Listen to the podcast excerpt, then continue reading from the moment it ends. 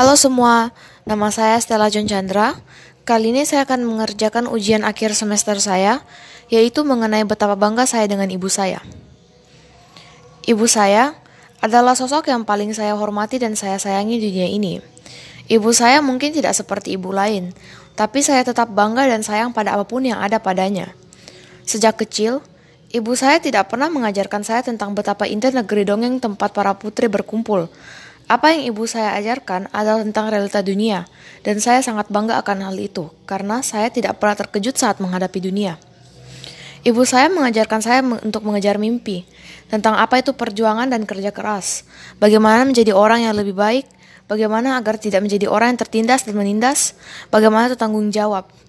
Ibu saya tidak pernah ikut bermain permainan anak-anak seperti bermain peran sebagai karakter dongeng ataupun berbicara dengan boneka. Ibu saya hanya bercanda dan berbicara kepada saya, bukan bercerita cerita fiksi, namun apa yang ia ceritakan kepada saya adalah mengenai pengalamannya. Dia mau saya belajar dari pengalamannya dan membuat pengalaman saya sendiri. Sejak kecil, ibu saya juga mengajarkan bagaimana itu menjadi perempuan yang mandiri. Tidak usah manja dan bergantung pada orang lain jika bisa sendiri. Dan saya bangga akan hal itu. Saya juga ingat Sa saya sangat suka menonton Princess dan Barbie, tapi saya tidak pernah percaya dan mau menjadi mereka, karena ibu saya terus menekankan realita dan logika sejak kecil kepada saya.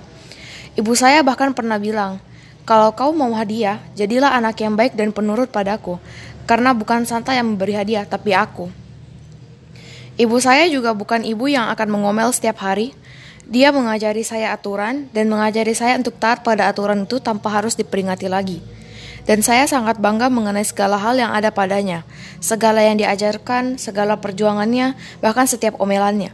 Saya bersyukur pada setiap itu, karena itu membuat saya tidak menjadi bodoh dan tetap pada prinsip dan realita yang ada. Saya bangga memiliki ibu seperti beliau.